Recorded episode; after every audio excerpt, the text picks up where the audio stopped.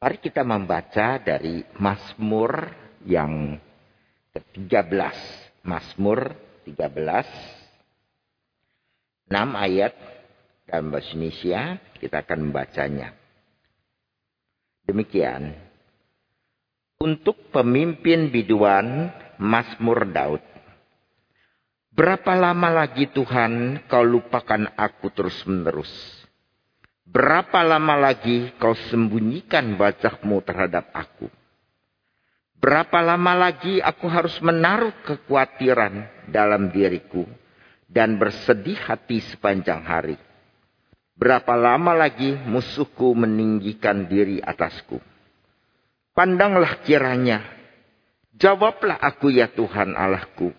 Buatlah mataku bercahaya supaya jangan aku tertidur dan mati supaya musuhku jangan berkata, aku telah mengalahkan dia dan lawan-lawanku bersorak-sorak apabila aku goyah.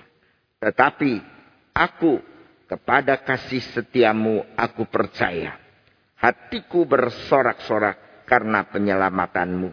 Aku mau menyanyi untuk Tuhan karena ia telah berbuat baik kepadaku. Sampai di sini kita membaca firman Tuhan, kita melihat bahwa Mazmur 13 ini dapat dibagi menjadi tiga bagian. Ya. Uh, ayat yang pertama di dalam bahasa Indonesia adalah untuk pemimpin biduan Mazmur Daud. Itu uh, biasanya dijadikan oleh Alkitab terjemahan yang lain itu menjadi judul.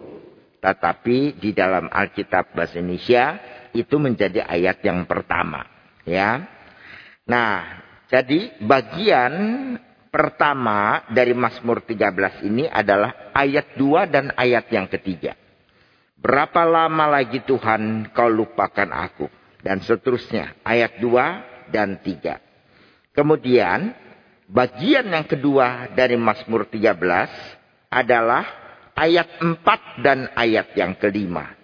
Ya, ayat 4 dan ayat kelima ini merupakan doa daripada Daud uh, pada waktu itu di dalam keadaan yang sedang dihadapi, di dalam konteks yang dia sedang hadapi. Dan dia dia merasa Tuhan meninggalkan, meninggalkan dia, ya. Maka kemudian dia berdoa kepada Tuhan supaya Tuhan memalingkan wajahnya kembali kepada dia. Kemudian uh, di dalam ayat yang kelima dan ayat yang keenam. Uh, ayat yang keenam di dalam bahasa Indonesia ya A dan B itu aku kepada kasih setiamu aku percaya dan seterusnya sampai selesai adalah uh, bagian yang ketiga daripada Mazmur ini di mana orang-orang itu merasa bahwa uh, dia punya kepercayaan kepada Tuhan boleh kembali lagi. Kita lihat bahwa ada Mazmur uh, ada Mazmur ratapan yang disebut sebagai Mazmur ratapan. Tapi kita lihat dalam setiap Mazmur ratapan kecuali Mazmur 88 maka setiap Mazmur ratapan itu ujungnya selalu menunjukkan kembali iman daripada si pemazmur. Kita akan melihat bagian per bagian, ya. Yang pertama dari ayat 2 dan ayat ketiga adalah sebuah pergumulan yang berlanjut, ya, sebuah pergumulan yang berlanjut. Dalam ayat 2 dan ayat yang ketiga ini dalam bahasa Indonesia kita melihat bahwa satu kata kunci daripada uh, ayat-ayat ini adalah how long? Berapa lama lagi? Berapa lama lagi? Ya, pada waktu kita mengalami kesulitan, kita mengalami masalah, kita mengalami kesusahan, maka bila itu berkepanjangan, maka yang muncul reaksi yang yang, yang benar adalah bahwa tentu orang akan bertanya, Tuhan berapa lama lagi? Berapa lama lagi? Dan berapa lama lagi? Dan itu adalah suatu keluhan yang disampaikan kepada Tuhan pada waktu itu oleh Daud. Ya, saya pernah menonton uh, acara televisi, uh, acara Kick Andy, ya. Uh, Andi Noya itu uh, sering sekali menampilkan cerita-cerita yang sebenarnya menurut saya sangat menggugah, ya. Pada waktu saya menonton, uh, pada waktu itu, uh, ada seorang anak perempuan, ya, anak anak perempuan. Saya lupa waktu itu di umur berapa ya. Lalu tapi masih kecil sekali, masih kecil. Lalu kemudian uh, kemudian ayahnya meninggal dalam sebuah kecelakaan. Meninggal dalam sebuah kecelakaan. Mereka keluarga miskin, ya. Sang ayah adalah penunjang daripada keluarga. Tapi kemudian ayahnya ini meninggal di dalam kecelakaan. Lalu uh, mereka hidup, dia mempunyai dua adik ya. Dia mempunyai dua adik laki-laki dan dia perempuan sendiri paling besar, lalu dia masih punya ibunya. Tetapi beberapa bulan kemudian ibunya kemudian juga meninggal karena tidak tahan penderitaan. Mereka hidup dalam kemiskinan, mereka seolah-olah tidak ada yang tolong dan sebagainya, begitu kan? Sehingga akhirnya ibunya saking menderitanya, mereres, akhirnya kemudian ibunya beberapa bulan setelah ayah meninggal karena kecelakaan, maka ibunya pun meninggal. Sekarang mereka uh, yatim piatu. Mereka tidak punya ayah dan ibu. Mereka hidup dalam kemiskinan luar biasa. Ya. Nah, uh, mereka rupanya dari keluarga Kristen, ya. Jadi waktu itu dia sebagai seorang kakak yang paling besar, dia meskipun perempuan, tapi adiknya nih yang masih kecil tuh masih ada menjadi tanggung jawab dia. Tapi pada waktu dia merasakan kesulitan, kesusahan, bagaimana saya harus menanggung kedua anak laki-laki saya. Eh bukan anak laki ya, adik laki maksudnya. Adik laki-lakinya bagaimana ini? Bagaimana ini? Ya.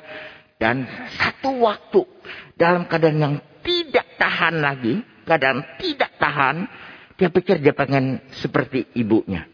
Saya lebih baik meninggal aja deh. Saya lebih baik mati aja deh. Begitu kan? Daripada saya menanggung semuanya ini. Tapi adik saya nanti bagaimana?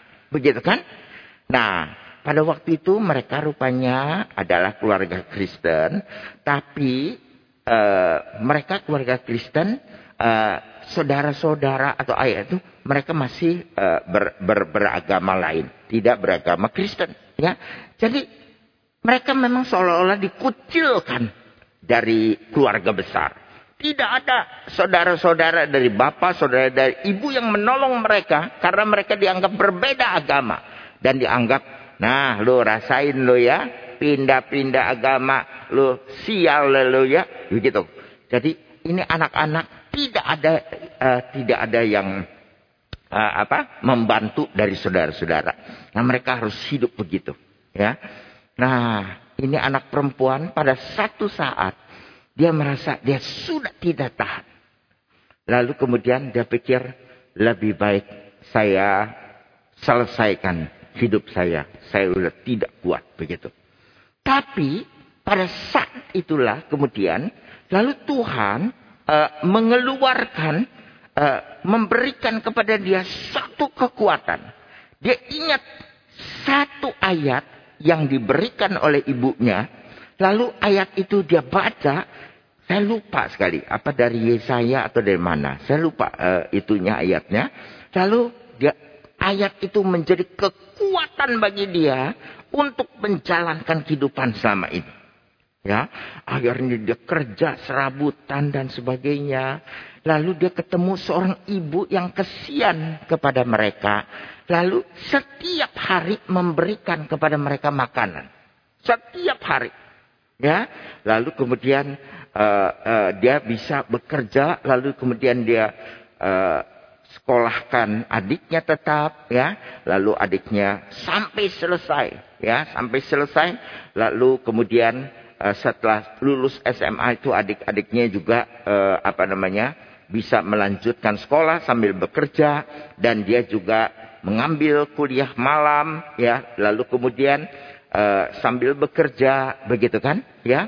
Dan karena dia punya perjuangan yang luar biasa, uh, kemudian diterima di sebuah bank, lalu kemudian karena pekerjaannya baik sekali, maka anak perempuan ini kemudian mendapat jabatan yang sangat baik di bank. Tapi dia ingat pada waktu dia uh, share di acara dari Kek Andi itu bagaimana Tuhan memberikan kekuatan kepada dia. Tapi dia tanya pada waktu dia kecil sampai besar itu berapa lama lagi? Berapa lama lagi? Berapa lama lagi? Saya harus berjuang untuk adik saya supaya mereka bisa makan, supaya mereka bisa sekolah, supaya mereka bisa hidup. Dan kemudian seperti pemazmur si pemazmur kemudian dia berdoa, ya. Dia berdoa kepada Tuhan, lalu kemudian uh, dia dia dia mengatakan ya kepada Tuhan, pada hakikatnya kalau kalau Tuhan itu tidak menolong, kalau Tuhan itu tidak bertindak untuk menolong dia, maka dia bilang, e, pandanglah kiranya, jawablah aku, ya Tuhan Allahku, buatlah mataku bercahaya supaya jangan aku tertidur dan mati. Jadi di dalam keadaan kesulitan si pemazmur kemudian berdoa. Berdoa kepada Tuhan, berdoa kepada Tuhan, ya. Satu hal yang dikatakan, Tuhan kalau Tuhan tidak tolong, aku akan tertidur dan mati. Ya, aku akan tertidur dan mati kata si pemazmur di dalam doanya. Ma, kita lihat bahwa memang di dalam kehidupan kita kita selalu uh, berdoa barangkali baru sungguh-sungguh kita berdoa itu sebenarnya pada waktu kita ada di dalam kesulitan ya kita kalau keadaan semua baik-baik ya kita orang Kristen nih Kebanyakan kita kalau keadaan baik-baik, kita berdoa sih. Kita berdoa. Tiap malam kita berdoa. Mungkin uh, yang rajin mungkin sempat tiap pagi juga berdoa misalnya. Ya, kita berdoa, berdoa. Tapi ya, mungkin doa kita itu seperti doa makan. Doa yang cuma terucapkan doang. Tetapi bukan suatu doa yang sungguh-sungguh keluar daripada pergumulan kita sendiri. Ya, kita pagi-pagi Bapak terima kasih. Saya sudah uh, apa namanya? Saya sudah uh, bisa bangun, tubuh segar, saya bisa akan bekerja dari Tuhan dalam bla bla bla bla bla. Begitu kan? Ya. Jadi kita mungkin saja setiap kali kita berdoa kita tidak uh, apa namanya orang-orang yang absen di dalam kita berdoa, tapi kita sungguh-sungguh memang kita keluarkan doa kita, ya. Malam kita doa, tapi kalau di dalam keadaan kesulitan yang uh, luar biasa, mungkin baru doa kita itu adalah doa yang meaningful. Doa yang sungguh-sungguh. Kalau enggak, kita akan doa selewat doang. Seperti doa makan kita. Ya, Apakah kita betul-betul bersyukur untuk makanan yang kita terima? Kita berdoa tiga kali sehari misalnya. Di dalam setahun kita ada seribu kali berdoa. Doa makan gitu ya. Kalau kita sudah 20 tahun kita 20 ribu kali berdoa. 30 tahun ya 30 ribu ber, kali berdoa. Apakah doa makan kita itu adalah doa yang sungguh-sungguh keluar daripada hati kita? Menurut saya barangkali tidak. Orang suami istri ya biasa berdoa pada waktu malam mungkin. Sebelum mereka tidur, mereka berdoa. Mereka berdoa sendiri-sendiri. Sang suami bisa bertanya kepada istri. Ma, aku udah doa belum ya tadi ya? Loh, doa aja udah nggak ingat. Doa itu menjadi sesuatu yang otomatis. Kita jalankan. Nggak sungguh-sungguh. Merupakan satu pergumulan daripada hati kita untuk meminta kepada Tuhan. Tidak. Semua adalah kata basa-basi semua. Platitude. Ya, semua adalah kata yang basa-basi. Kalau teman, ada seorang teman mengatakan, sering kali di dalam ucapan kita sebagai orang Kristen, ya, ucapan kita udah template, ya.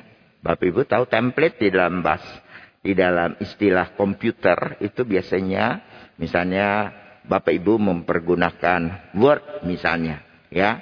Lalu kemudian aplikasi Word ini, lalu kemudian mereka menyediakan template nih kalau kamu mau bikin uh, apa namanya mengenai CV kurikulum vitae untuk melamar pekerjaan ini uh, template-nya begini ya. Kalau mau bikin uh, warta begini. Kalau mau bikin itu begini. Itu udah udah ada template-nya diberikan oleh aplikasi daripada uh, kita yang kita pakai itu ya. Jadi sudah template.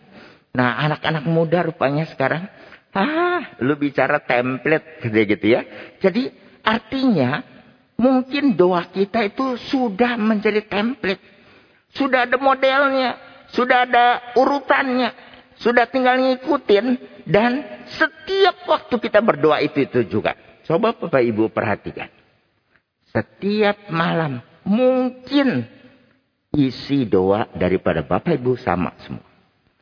Cuma Itulah yang dikatakan bahwa sebenarnya doa kita mungkin adalah doa yang cuma template, mengikuti, ya, mengikuti, ya, apa yang ada. Nah, seorang penulis, kalau saya tidak salah adalah Andrew Root, ya. Penulis ini menulis, ya. Tentu mereka dari keluarga Kristen sejak kecil, dia Kristen, begitu kan? Mereka tinggal di daerah yang pedesaan bukan daerah kota gitu ya. Jadi mereka punya rumah ya dengan halaman yang luas sekali begitu kan. Mereka bisa main ke sana ke sini ke sana ke sini karena di pedesaan itu uh, rumah lebih luas-luas ya. Jadi uh, banyak sekali begitu kan. Setelah itu uh, anehnya, anehnya di dalam rumah itu ada sebuah lubang besar. Ya. Entah Andrew juga pada waktu itu tidak tahu itu sebenarnya sampai besar itu itu lubang buat apa sih begitu ya tetapi di rumahnya di pekarangan di belakang ada sebuah lubang yang besar ada sebuah lubang yang besar ya lalu kemudian uh, barangkali ya barangkali mungkin maksud daripada ayah daripada Andrew itu mungkin dia berpikir kalau hujan besar itu bisa menampung air lalu kemudian bisa punya air untuk menyiram tanaman dan sebagainya. Begitu. Barangkali ya. Sebab Andrew juga setelah besar juga dia tidak tahu sebenarnya itu lubang buat apa. Ada di rumah begitu. Lubang ini jadi kering ya. Tapi ya cukup dalam Cukup dalam buat seorang anak kecil, cukup dalam, uh, cukup besar juga, begitu kan? Nah, anehnya anak ini suka memandang ke lubang itu. Jadi dia suka uh, berdiri di pinggiran lubang, ya, lalu kemudian melihat ke dalam lubang dan merasakan kengerian kalau berada di dalam lubang tersebut. Ya, tapi dia suka. Dia suka. Dia suka meliatin aja itu lubang sambil ketakutan melihat lubang itu. Nah, pada satu kali dia uh, pengen pengen lihat lagi. Dia datang ke lubang, ke pinggiran, lalu dia lihat ke dalam lubang, mengerikan sekali, menakutkan bagi dia. Tapi kali ini dia berdiri terlalu dekat dengan lubang. Nah, pada waktu dia berdiri dekat lubang itu, rupanya tanah di lubang itu gugur, ya, longsor begitu, sehingga tuh anak terjatuh dan masuk ke dalam lubang itu. Wah, anak itu ketakutan. Waktu itu dia umur lima tahun, ya. Anak itu ketakutan setengah mati. Ya, jadi ini lubang yang paling ditakutkan oleh dia seumur hidupnya, tapi sekarang saya malah jatuh ke dalamnya. Wah, dia takut sekali. Ya, dia dia nangis, lalu kemudian dia mencerit-cerit, tapi rumah orang tuanya itu besar. Rumah ada di dalam sana. Ya, lalu kemudian mungkin pintu yang tertutup rapat. Tidak ada orang yang mendengar tangisan dia atau jeritan daripada anak ini. Kebetulan hari pada waktu itu sudah mulai menjelang malam. Jadi dia nangis-nangis, dia cerit-cerit. Tidak ada pertolongan, tidak ada yang lihat. Ya, lalu kemudian mungkin dia capek juga nangis, mungkin dia capek juga mencerit. Lalu kemudian pada waktu itu baru dia ingat ya. Dia ingat satu hal yaitu ibunya itu kalau berdoa ibunya itu selalu berlutut. Lalu kemudian berdoa. Begitu. Nah dia ingat hal ini dia ingat hal ini lalu kemudian dia pikir saya mau tiru mama punya doa. Begitu. Dan dia bilang untuk pertama kalinya pada waktu saya berlutut lalu saya ikut cara daripada mama untuk berdoa dan dari hatinya betul-betul perkataan yang dia keluarkan itu sesuatu yang jujur, sesuatu yang keluar dari hati yang terdalam merupakan suatu kebutuhan yang real bagi dia. Tuhan, selamatkan saya. Tuhan, Tolong saya. Masih kecil, umur lima tahun.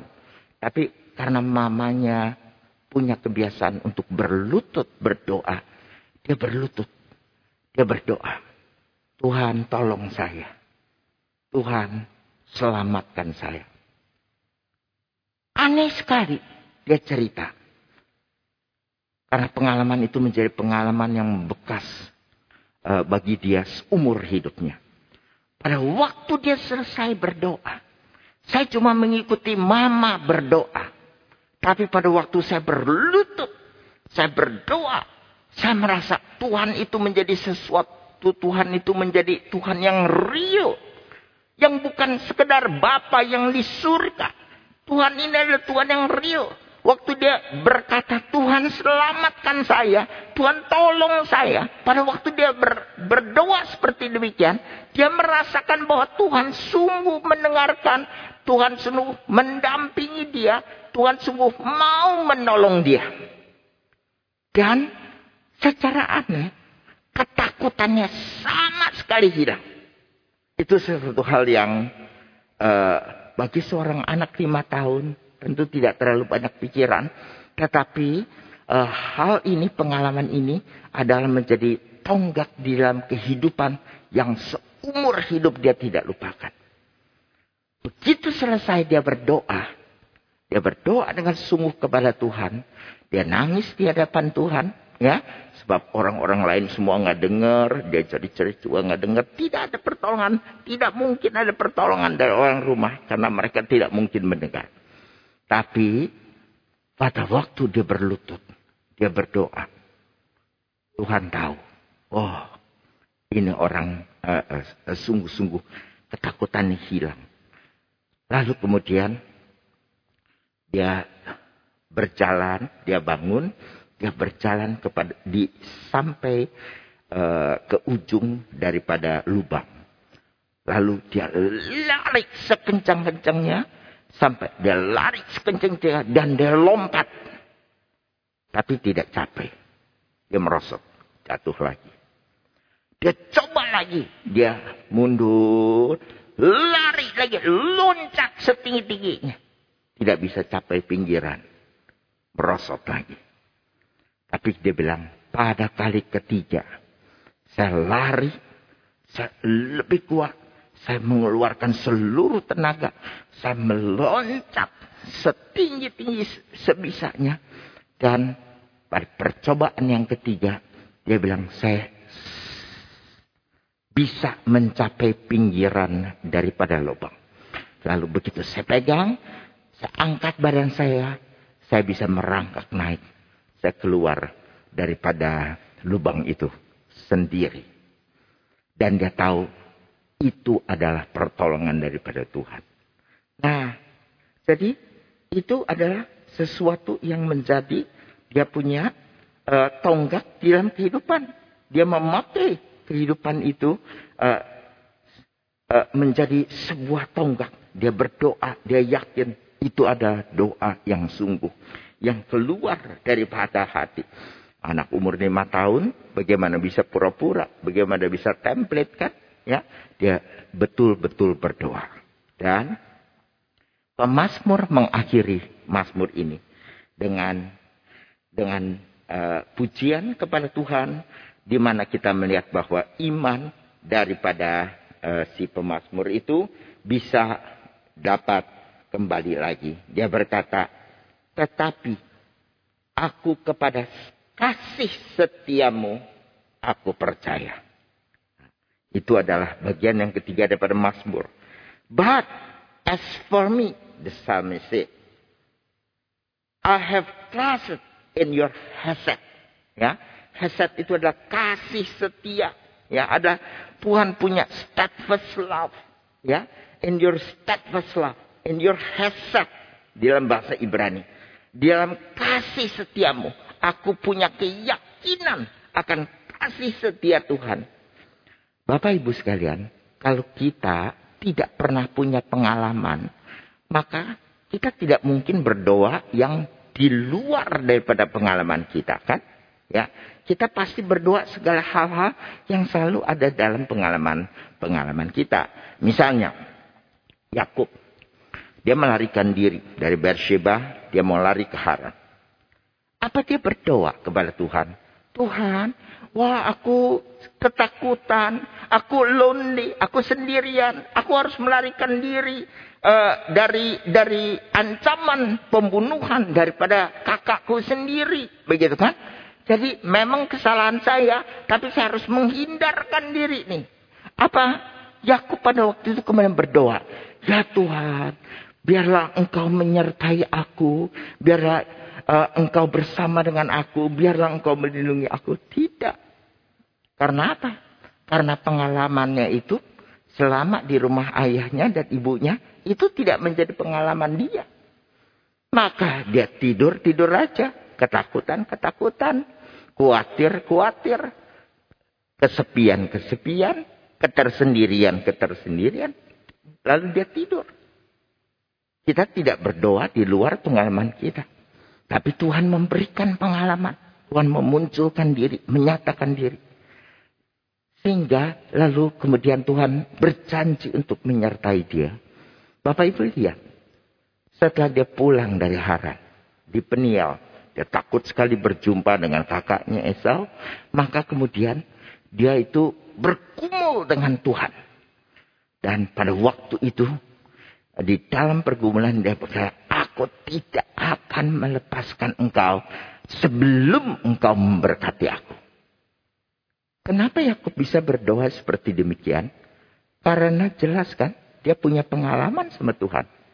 Dia punya pengalaman dengan Tuhan di battle sebelumnya. Jauh sebelumnya, bertahun-tahun sebelumnya. Bersama dengan Tuhan. Dan ternyata Tuhan adalah Tuhan yang real. Yang memberkati dia. Ya, Sehingga dia bisa keluar Lalu kemudian dia bisa berdoa. Tuhan, tidak akan aku lepaskan engkau sebelum kau memberkati aku. Dan Tuhan berkati. Demikian juga pemazmur. Berdoa. Tuhan, kasih setiamu. Kasih setiamu kepada your hasad. Itu aku bergantung kepada kasih setia Tuhan. Dari mana Daud bisa berdoa begitu? Karena dia punya pengalaman sebelumnya. Dia punya keyakinan Tuhan tidak berhenti di dalam kasih setianya dia. Saudara-saudara, dalam keadaan kita masih menghadapi pandemi. Barangkali kita bertanya, how long? Berapa lama lagi? Berapa lama lagi? Tapi ingat, pada waktu kita berdoa, sesuai dengan pengalaman yang Tuhan berikan, bisa nggak saudara berdoa? Kasih setiamu Tuhan tidak berkesudian. Mari kita berdoa. Bapa dalam surga,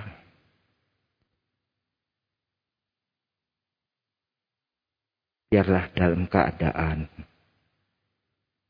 pandemi yang sedang melanda negara kami. Kami boleh tetap bergantung kepadamu Tuhan. Kami boleh tetap bersandar kepada Tuhan. Dan Tuhan boleh memberikan kepada kami justru. Melalui semuanya ini adalah pengalaman-pengalaman yang baru.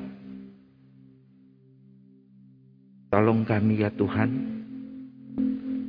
supaya kami boleh menggantungkan kepercayaan kami hanya kepada Tuhan Itulah kekuatan kami. Tuhan tolong kami. Kami menyerahkan kehidupan kami ke dalam tangan Tuhan. Kepada kasih setiamu Tuhan. Dalam nama Tuhan Yesus, kami berdoa. Amin.